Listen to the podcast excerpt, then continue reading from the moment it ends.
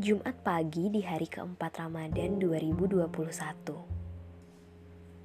Kudapati sepucuk surat hati terlalu dini. Namanya Subuh Paling Teduh. Tersipu malu aku membukanya. Dengan hati-hati kutarik selembar kertas putih yang masih meninggalkan sisa perangko. Sebelum sampai kubaca, mataku terasa berat seperti minta dinina bobokan.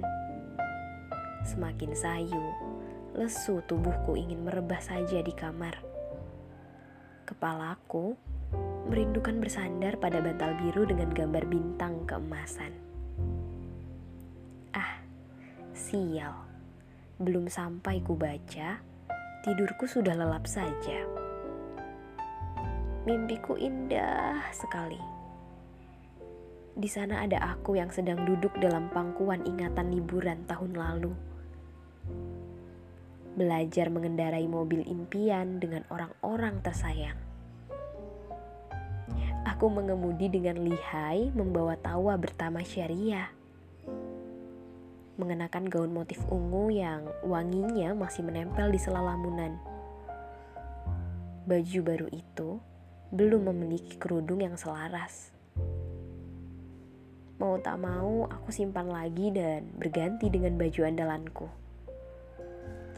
Tiba-tiba aku mendengar suara ponsel berdering.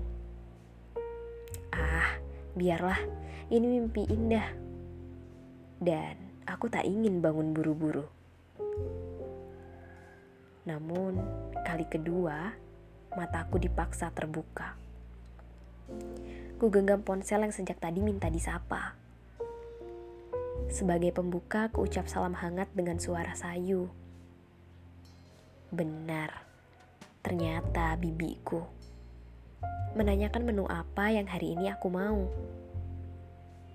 Aneh, ada yang tak biasa di percakapan itu. Setelah aku tutup telepon, beranda WhatsAppku sudah dipenuhi doa-doa kebaikan dari orang-orang tersayang memberi semangat serta harapan agar badai lekas berlalu. Setelah ku ingat, aku segera mungkin membaca surat cinta itu. Ah, payah. Rupanya namaku terlampir dengan cetakan warna merah. Sudah kuduga akan begini akhirnya.